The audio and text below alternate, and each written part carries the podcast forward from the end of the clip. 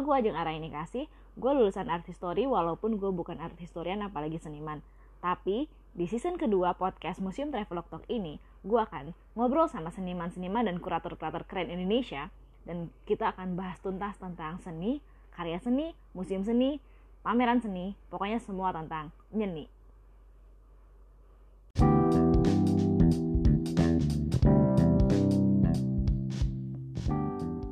Episode 6 with Dea Widya.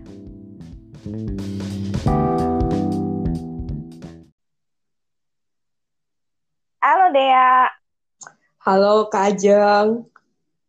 Makasih banget loh udah mau jadi temen ngobrol gue hari ini. Oh, sama-sama.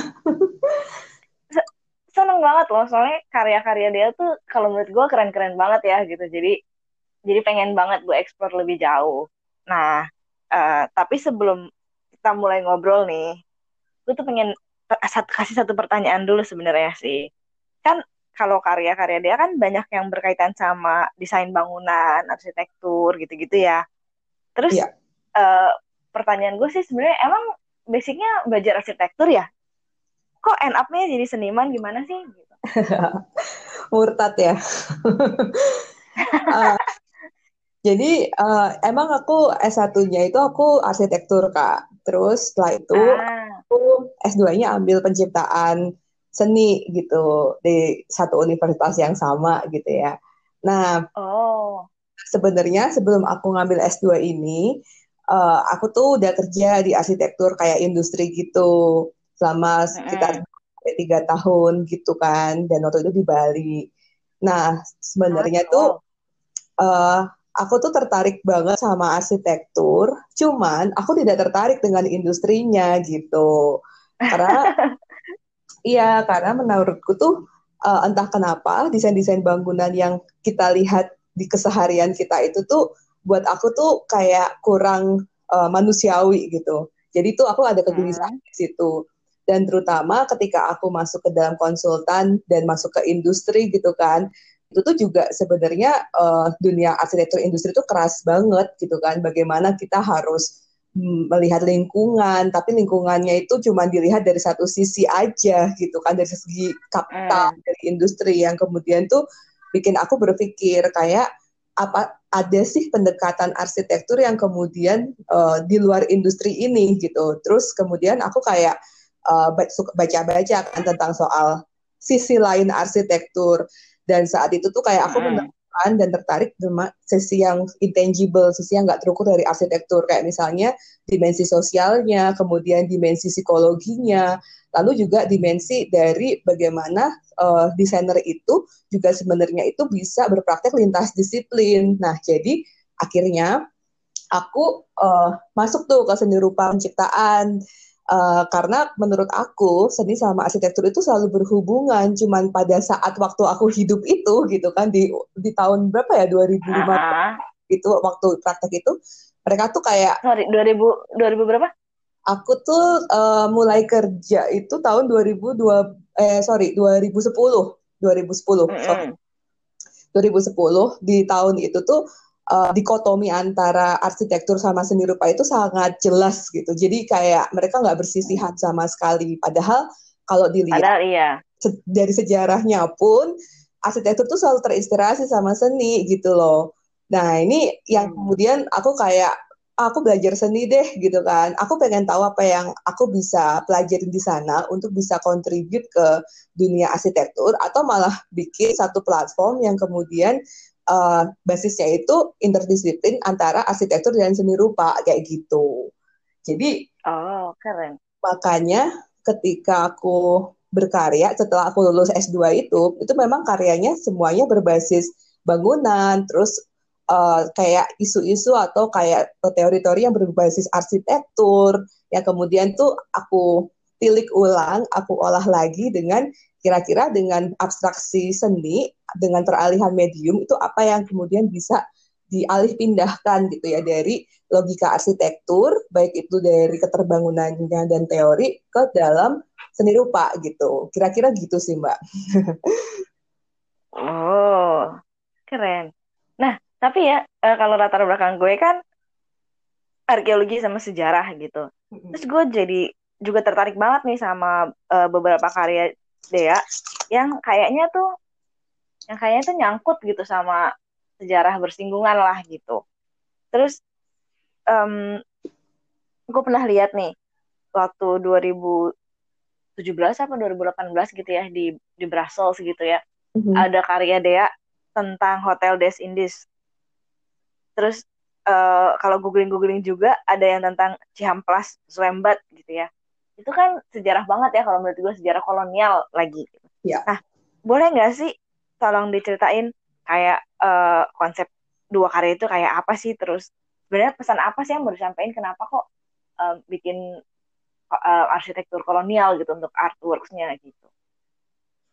Sebenarnya sih uh, ini berlanjut sama risetku kan mbak. Jadi sebenarnya semua karyaku itu dia itu sebenarnya basisnya itu riset riset ini bukan observasi ya ini beneran riset nah jadi uh, ya uh, dan karena kalau di arsitektur tuh kita harus meriset apa pun yang kemudian berhubungan dengan abstraksi form kayak gitu kan. Nah itu yang kemudian hmm. di, di seni rupa itu uh, mereka uh, mungkin kurang tegas atau kurang disiplin di dalam itunya. Cuman kayak itu tergantung senimannya juga sih.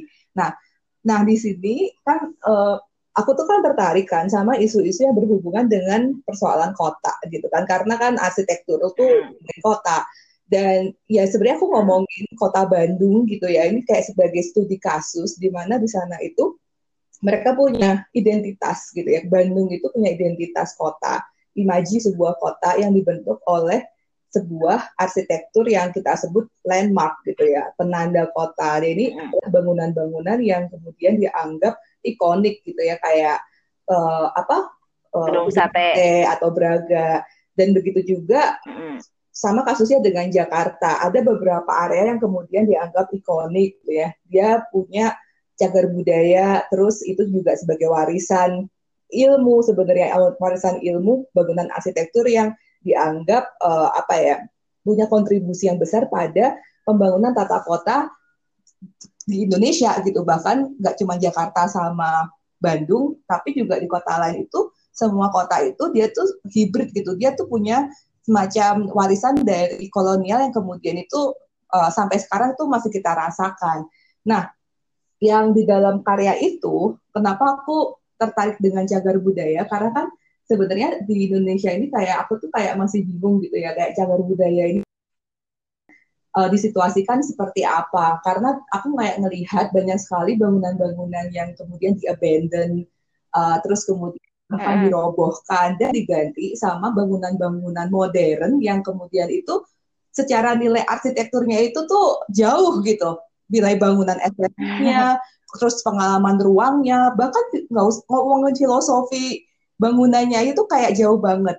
Iya sih yang saya ceritakan ini kayak Des Indes dan Cihambles Wembat itu atau Cihambles pemandian Ciamplas itu tuh emang sebenarnya kan itu adalah warisan kolonial gitu ya tapi kan kalau semua arsitektur yang kemudian masuk ke Indonesia itu kan dia itu punya semacam metode akulturasi dan itu yang kemudian hilang tuh mbak. Nah metode akulturasi itu ah. gitu karena semua bangunan Eropa yang masuk ke Indonesia itu mengalami proses akulturasi tropis dan kita tuh kehilangan ilmu hmm. itu gitu. Nah kemudian uh, yang celakanya lagi di dalam dua kasus bangunan ini mereka tuh uh, terutama Des Indes ya, dia tuh punya sejarah yang kemudian terkait sama kemerdekaan Indonesia yaitu di Hotel Des Indes itu kalau kita cek mereka tuh setting-setting rapat penting untuk uh, kemerdekaan Indonesia kayak misalnya uh, perjanjian Rumroyen itu ada di Hotel Des Indes hmm. gitu. Dan ketika kita yeah. ada di Harmoni sekarang gitu ya, Des Indes tuh udah jadi duta Merlin kan. kayak yeah. gitu kan. Dan uh, itu tahun 70 dibangun sama Soeharto karena uh, pada masa Soeharto itu uh, Soeharto tuh kayak mau uh, kayak menggait semua investor-investor untuk pembangunan dalam artian tuh kayak pemberdayaan ekonomi dengan ekonomi bangunan-bangunan yang tanda kutip mixed use kayak misalnya super block atau mall atau real estate gitu kan. Nah, yeah.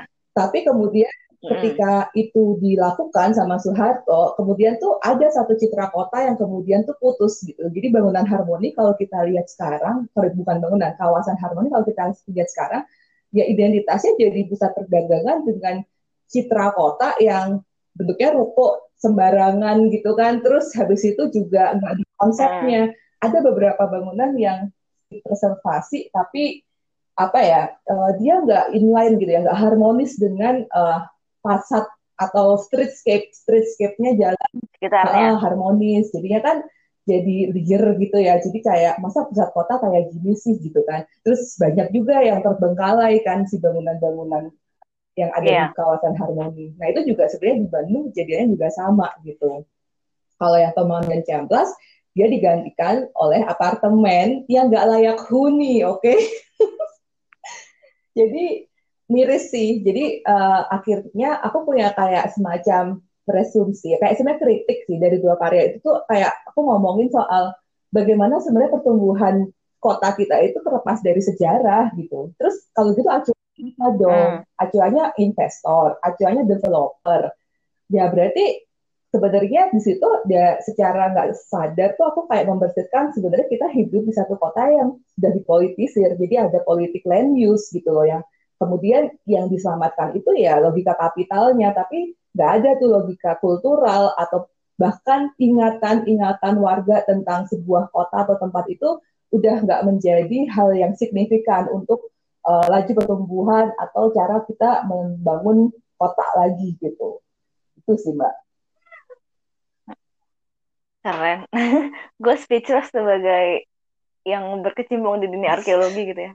Aduh. Enggak juga sih, ini kayak dari kuliah dulu di arsitektur terus aku gabungin sama apa yang aku tahu di seni rupa jadinya begini. terus kalau nggak salah tuh yang uh, cihampelas itu bahannya Iya, rainbow, rainbow cake, ya? Jadi uh, waktu itu yang Cihampelas itu itu kan ceritanya kita tuh itu itu mau performance kan itu performance jadi aku bikin oh. jadi aku kayak merestorasi bangunan Cihamblas pemandian Cihamblas ini pakai rainbow cake supaya bisa dinikmati bareng-bareng gitu nah ini kan ironis waduh enak tapi kan ironis uh, Iya sih. Karena uh, hancurnya cagar budaya itu sebenarnya bukan salah pemerintah atau siapa, tapi juga sebenarnya masyarakat juga mengiyakan gitu. Sama juga desindes mungkin. Jadi yang menarik waktu pas performance itu ada beberapa orang yang nggak mau makan mbak dan nangis. Karena dia punya ah. apa ya waktu kecil gitu ya dia pernah punya kenangan mandi di situ main di situ sama temennya sama bapak ibunya. Sekarang udah nggak ada ada yang kayak gitu. Eh aku merinding. Itu eksperimen sih pak Terus yang bikin kuenya ah, siapa? Iya aku. Dia juga crafting. Oh keren. Karena rainbow, kenapa rainbow cake? Karena tuh orang-orang Indonesia tuh suka ya sama makanan-makanan yang dianggap mahal, yang dianggap kolonial gitu ya, kayak import gitu loh, budaya kultur. Kenapa nggak dari lemper yeah. atau tumpeng gitu kan? Tapi yang menarik bener, tapi waktu aku performance itu mereka sampai ngambil cake-nya itu dibawa ke rumah dan banyak gitu dan udah mereka ambil aja karena itu rainbow cake. Ah. Iya. Eh waktu itu juga lagi ya, tren ya. Iya, benar. Hmm. Oke, okay. keren. Terus abis aja dong gitu saat pas pameran setelah ah, pameran. Uh, ini sih harus dijagain kan karena waktu itu performance dua jam dihabisin sama uh, para penonton gitu. Terus tapi akhirnya sama kuratornya bilang kayak ini harus disisakan sebagai bentuk eksibisi satu minggu ke depan. Jadi pada akhirnya tuh setelah oh, pameran okay. tuh aku kayak uh, kayak mem, apa mempreservasi si cake itu supaya dia nggak jamuran kayak dikasih resin atau kayak dibikin jadi kayak patung di, dikeraskan gitu. Oh, oke. Okay. uh, oh. Dan yang dilihat terus yang dilihat itu kayak di hari-hari berikutnya ya si Hamblas Sobat yang sekarang udah jadi runtuhan kayak yang sekarang kita lihat gitu. Mm -hmm. Nah itu tahun berapa ya Mbak? Uh, eh, Pak, sorry, pamerannya juga di mana ya? Itu tuh tahun 2015 di Galeri YPK di Bandung. Hmm, keren keren. Kalau yang Des Indes? Nah, boleh diceritain? Kalau yang Des Indes ini caranya beda lagi karena aku nggak pakai elemen performance kan di situ. Jadi kayak di Desindes yeah. itu aku kayak bikin uh, restorasi bangunan arsitektur pakai tanah liat yang nggak dibakar.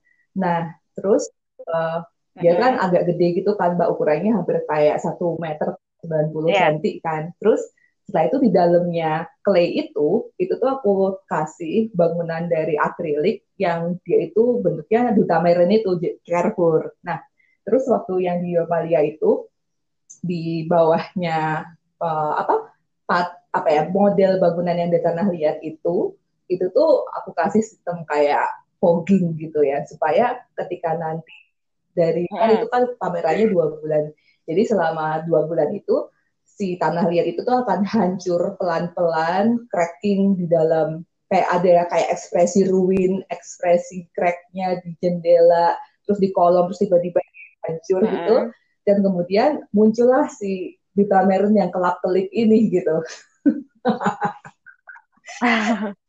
Keren. Jadi metodenya tuh kalau yang di Des Indes tuh kayak uh, durational performance, tapi pakai objek gitu. Hmm. Jadi nggak pakai tubuh manusia, nggak ada hmm. partisipatori aktif, tapi dia pakai objek. Jadi kita melihat uh, barangnya satu dua hari tiga hari atau closing itu pasti akan berbeda dan uh, kira-kira mungkin di hari-hari terakhir tuh kita baru bisa melihat Carrefour sama Duta Merlin yang kelap kelip gitulah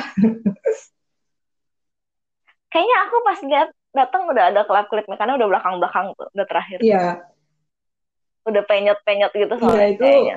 itu uh, ya kira-kira yang yang di apa uh, ada rekaman videonya sih jadi kayak uh, yang dilihat ya sebenarnya proses transformasi itu yang sebenarnya aku pengen omongin di dalam karya Des Indes si transformasi yang dia pelan-pelan hmm. hancur dan tergantikan oleh uh, bangunan yang modern gitu dengan mixed use gitu Hmm, oke okay, oke. Okay ngomong-ngomong performance uh, berarti urusan sama arsitektur juga sama performance art juga ya? Uh, iya sih, uh, soalnya di dalam arsitektur itu kan sebenarnya kalau kita mau ngomongin arsitektur dan pakai kacamata yang human centris gitu kan, kita tuh harus bicara tentang masalah bagaimana manusia itu bergerak di dalam ruang kan, Mbak. Bergerak tuh berinteraksi, merespon yeah. objek, bahkan merespon situasi atau suasana, yang mana tuh lingkungan itu sebenarnya adalah ambil arsitektur terbesar di dalam hidup kita. Bagaimana kita memasukkan cahaya ke dalam ruangan, bagaimana kita menata objek, bagaimana kita bahkan berkoreografi orang-orang ini, penghuni di dalam sebuah rumah misalnya. Itu juga secara nggak sadar itu uh, di, di koreografi sama arsitek gitu. Nah sekarang kalau di kota kan kebayangkan, kota tuh semua elemen tuh pasti akan berimbas pada ya gerak tubuh warga kotanya gitu. Ya. Nah, aku pernah lihat juga sih di website kalau nggak salah ya, ada tentang performance artnya Dea yang di rumah tua kosong judulnya Unhomely. Yeah. Itu gimana sih ceritanya? Terus performnya terus gimana? Itu sendirian, uh, perform sendirian, syuting uh, sendirian gitu? Cuman berdua Atau sih sebenarnya. Cuma berdua. Kameramen. Takut gak sih? Um, banyak kejadian aneh sih sebenarnya. Iya mati, filenya nggak bisa ditransfer uh, atau oh, ya? itu udah terekam filenya tapi kosong. Nah itu itu apaan sih gitu kan. Nah cuman itu iya. tuh sebenarnya uh, dari riset yang Des Indes tadi. Jadi uh, Des Indes tuh aku kayak mikir kan, kenapa sih kok orang-orang tuh pada gak pengen menyelamatkan cagar budaya yang kolonial gitu ya. Uh, terus aku yeah. tuh iya. kayak punya asumsi, apa jangan-jangan sebenarnya emang kita tuh trauma banget sama kolonial atau kolonial blues itu tadi gitu kan. Terus uh, oke, okay, karena terus setelah itu aku mikir, terus bagaimana kemudian orang itu mempersepsi bangunan kolonial Nah, most of it mereka tuh kayak antipati kan sama bangunan kolonial. Mereka nggak suka sama gaya-gaya yang kayak kolonial gitu. Mereka maunya yang terang, yang modern. Masa sih? Iya, Mbak. iya, kayak oh, gitu. Berarti gue gue doang yang anomali ya. Gue suka pengen Aku juga, aku juga makanya aku kayak mikir kenapa sih kayak gini tuh bagus banget tau gak sih? Tapi kalau aku tanya temen aku, uh, itu tuh iya. yang mereka bilang, dek itu horor kali dek, itu horor kali dek, kayak gitu. Terus aku langsung mikir kayaknya ada yang salah deh ah. sama mindset lo tapi mungkin bukan salah lo tapi salah gimana ya coba dilacak, dilacak dulu kayak bagaimana kemudian bangunan kolonial itu punya stigma yang negatif gitu di masyarakat. Nah, um, dari situ kemudian aku mikirkan, apa jangan-jangan sebenarnya keter, keberadaan bangunan itu terhubung dengan eksistensinya itu dengan narasi warga lokal gitu.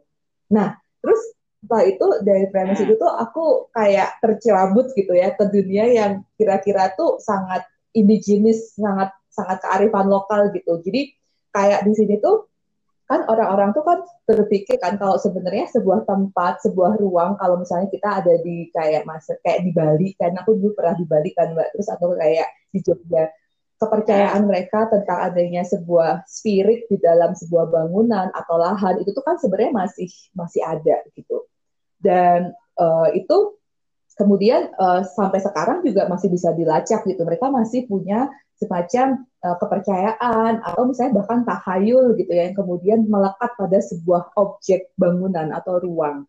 Dan di situ kemudian aku tertarik untuk melihat kayak kenapa sih itu harus melekat? Itu kan irasional. Kita kan sekarang udah rasional. Nah, kayak gitu kan. Terus akhirnya uh, dari segala cerita yang aku dapat, aku tuh kayak pertama tuh sebenarnya uh, berpikir kayak di sini tuh sebenarnya masih banyak di kalangan sekitarku di Bandung aja tuh kayak masih ber, maka mikir kalau misalnya rumah-rumah yang tidak bisa dijual itu adalah rumah-rumah yang misalnya tusuk sate itu kenapa juga kan nggak tahu kan terus kenapa rumah-rumah ini yeah. tuh yang misalnya dekat sama kuburan nah itu juga kayak emang kenapa gitu kan dengan kuburan gitu nah terus hmm. sama uh, yang di situ tuh mungkin rumah-rumah yang kemudian pernah terjadi kejadian yang gak enak gitu. Nah itu susah dijual, susah diterima bahkan sama masyarakat. Yeah. Nah di dalam rumah yang aku bikin performance itu itu ada dua rumah. Pertama tuh yang rumah cepu, itu rumahnya itu sebelahnya kuburan persis dan dia kolonial.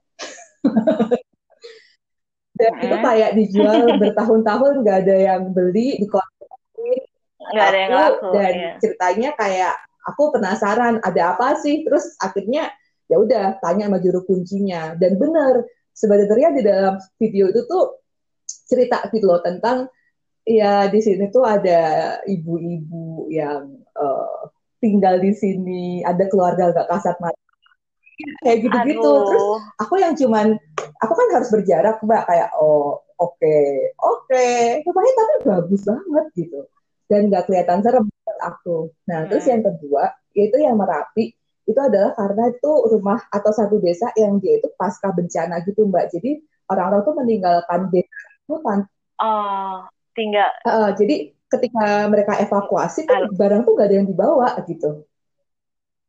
Gak ada yang dibawa nah, kan? Iya. Di situ kan Oke, okay, berarti ada satu parameter nih. Yang satu tuh yang terstigma secara mitologi atau apa ya kayak bukan mitologi ya, tapi kayak uh, terstigma oleh masyarakat lokal kalau satu rumah ini tuh serem karena dia dekat kuburan gitu kan. Ha Haunted. Satu lagi nih yeah. yang terstigma hmm. karena rumah ini tuh memberikan kesenangan yang buruk gitu sama satu komunitas. Nah, hmm. akhirnya aku mengambil dua rumah itu buat perform.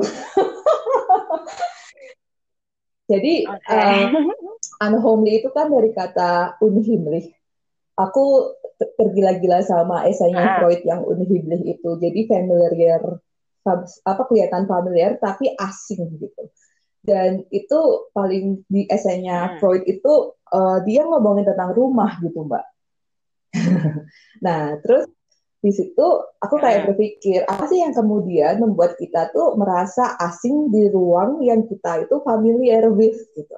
Dan mungkin ada beberapa aspek yaitu yang pertama tuh adalah memori ya, ingatan sebuah ruang. Nah, itu yang kemudian kayak uh, itu bilang kalau seandainya itu peristiwa yang terjadi di dalam rumah itu sebenarnya terrefleksikan ke dalam ruang melalui persepsi orang yang uh, eh, post traumatik ini gitu. Dia bilang gitu. Terus makanya ada beberapa apa ya kayak dia bilang itu kesan unheimlich ad homely ketika rumah itu dianggap sebagai sesuatu yang lain gitu, sebagai ruang imajiner yang lain. Um, jadi waktu performance itu uh, intinya adalah rumah itu kan sebenarnya dua-duanya itu udah kosong. Terus dia terbengkalai dan banyak debunya kan. Nah, aku tuh kayak performance untuk bersihin rumah itu. jadi mengumpulkan debu-debu kayak aku tuh ngerasa debu-debu ini kayak metafor ingatan dia tuh kayak saksi bisu gitu loh mbak dari apa pun yang pernah dia lalui ya terjadi bisu ya. yang kemudian tuh kayak aku kayak ngerawat kayak ingatan sebenarnya rumah yang dianggap sudah terbengkalai ini gitu dan ketika aku uh, apa bikin video performance-nya itu terus diikuti sama narasi warga lokal yang cerita tentang apa pandangan mereka tentang rumah itu, rumah cerita itu. apa yang muncul dari rumah itu. Um, hmm. Terus juga uh, ketika itu si debu-debunya itu aku pindahkan ke rumah lain untuk diinstal. Jadi debunya itu tuh aku bikin kayak sculpting dia tuh motifnya tuh kayak motif wallpaper rumah yang terbengkalai itu di rumah Cepu atau di rumah Merapi itu atau motif-motif keramik yang kemudian aku kayak bunga-bunganya itu mbak itu aku bikin aku taruh di rumah lain yang rumah yang baru yang kemudian hmm. dalam rumah yang baru itu tuh aku performance lagi kayak 8 jam selama tiga hari untuk membuat bunga-bunga itu menempel lagi di dalam keramik yang baru gitu. Jadi kayak seolah-olah tuh aku menghadirkan ruang interior yang ilusif di dalam ruang yang rumah yang baru ini gitu. Kayak oh. memindahkan memori gitu loh. Kayak ini ada memori terus gue pindahin bentuk fisiknya ke bangunan yang baru terus jadinya apa? Yang baru Iya sih, hmm. waktu waktu itu rumahnya tuh oh. karena itu kan programnya teater garasi kan, jadi teater garasi tuh dia punya rumah gitu kan, bentuknya tuh rumah. Terus ya udah itu aku perform di rumahnya mereka. di situ. Mm -mm. Oke. Okay. Oh. Terus tapi di direkam um, ditampilin di mana? Ada nggak ditampilin um, tempat lain gitu? Selain di situ nggak ada sih. Jadi uh, kayaknya terlalu kompleks. jadi uh, jadi waktu itu ya uh, video yang aku ngebersihin rumah itu di dalam rumah Merapi sama rumah Cepu itu ditampilin ketika aku perform 8 jam sama tiga hari perform. itu gitu di yeah. dalam rumah garasi. Iya. Uh. Oh oke okay, oke. Okay. Hmm. Oh, keren, keren. Aku punya uh, okay. pertanyaan terakhir nih. Kalau baca di uh. websitenya De Dea ya, kan katanya belakangan juga mengembangkan perpaduan antara instalasi seni hmm. dan suara. Itu maksudnya gimana ya? Itu tuh maksudnya kayak mengeksplorasi ruang melalui suara gitu, Mbak. Apa sih? uh, jadi um, jadi urusan sama sound Sekarang juga. sih sebenarnya cuma eksperimen aja sih, karena kan uh, aku kan pengen ngomongin arsitektur tapi dari sudut pandang yang baru kan. Nah, suara itu salah satu pengalaman sensorialnya arsitektur yang nggak pernah dibahas gitu kan. nah, ya kan. Terus okay. akhirnya aku mikir kayak oke, okay, suara tuh bisa mendefinisikan ruang nggak sih gitu kan. Terus kalau dia bisa mendefinisikan ruang, kalau gitu suara itu bisa jadi batas dong. Nah, jadi kayak ada pertanyaan-pertanyaan itu ya kemudian aku kayak uh, waktu itu di Nusa Sonic tuh kayak collab sama teman-teman yang uh, kayak sound engineer, terus ada sound composer, ada sound coding yang kemudian tuh oh, kita okay. kayak bikin apa ya kayak dramaturgi performance yang mana tuh suara yang mereka hasilkan ketika mereka itu main itu itu terhubung sama uh, instalasinya gitu. Jadi kalau misalnya ada orang yang respon instalasinya, misalnya dia narik-narik instalasinya, nah itu nanti akan terekam jadi suara, terus sama mereka di-convert jadi satu elemen data sound yang muncul nanti ketika uh, perform atau live kayak gitu. Oh, oke oke oke, kebayang. Jadi uh, karya hmm, kolaborasi ya? Karya kolaborasi, iya. Oh keren keren. Terus apalagi ya? uh, sekarang lagi kayak uh, ngumpulin data sound di sebuah area, terus setelah itu dikompos jadi satu suara atau narasi gitu yang sifatnya ya uh, bentuknya sound komposisi atau kayak bikin efek koral atau paduan suara gitu di dalam ruangan. Jadi uh, kemarin yang terakhir tuh yang di Bayu itu tuh aku kayak nyuruh para warga desa itu untuk membacakan sebuah naskah. Setelah itu suara dipecah jadi delapan suara dan nanti speakernya itu ditaruh di delapan sudut ruangan gitu. Terus setelah orang masuk tuh dia mendengar kayak suara yang overlap terus kemudian suara yang kemudian intonasinya itu uh, tergantung sama ruang kalau ruangnya bergema kemudian dia juga ikut bergema. Uh, jadi dengan begitu tuh teks yang hmm. dibacakan oleh si narator ini tuh kemudian menjadi punya dimensi lain gitu. Jadi dia nggak flat lagi tapi dia juga seolah-olah dia kayak imersif sama ruangnya. Dan itu efeknya jadi lebih menggelegar atau lebih kayak wah ini kok kayak tiba-tiba ada suara ya kayak gitu. Ya itu eksperimen sih. Oh oke okay, oke. Okay. keren banget ya. Jadi urusannya sama arsitektur terus cagar budaya terus sekarang juga eksperimen oh performance. Uh, suara eksperimen mbak. Eksperimen itu. Keren keren.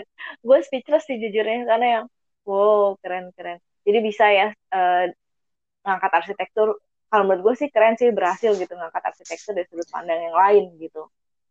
Gitu. Jadi ternyata nggak cuman nggak cuman seni bikin bangunan aja tapi bisa dieksplor dari macam-macam. Iya. keren banget sih. Thank you. Nah tapi sayang banget sayang banget walaupun ngobrolnya seru banget tapi okay. jam ternyata sudah berlalu. Cepat emang gitu kan kalau ngobrolnya asik emang gitu. Cuman uh, gimana juga batasan podcast gue emang sekitar segitu sih sekitar setengah jam gitu. Jadi ya mau nggak mau harus kita sudahkan okay. dengan sedih hati. Kalau misalnya nih ada yang mau um, kayak lihat uh, follow Dea atau lihat karya-karyanya gitu itu uh, sebenarnya bisa lihat di Instagram aku di Dea underscore aw atau masuk ke website aku ke deawidia.com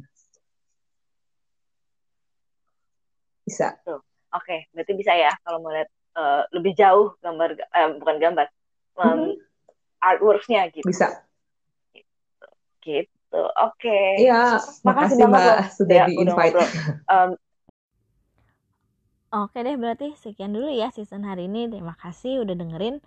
Makasih juga udah nemenin gue ngobrol-ngobrol. Dah.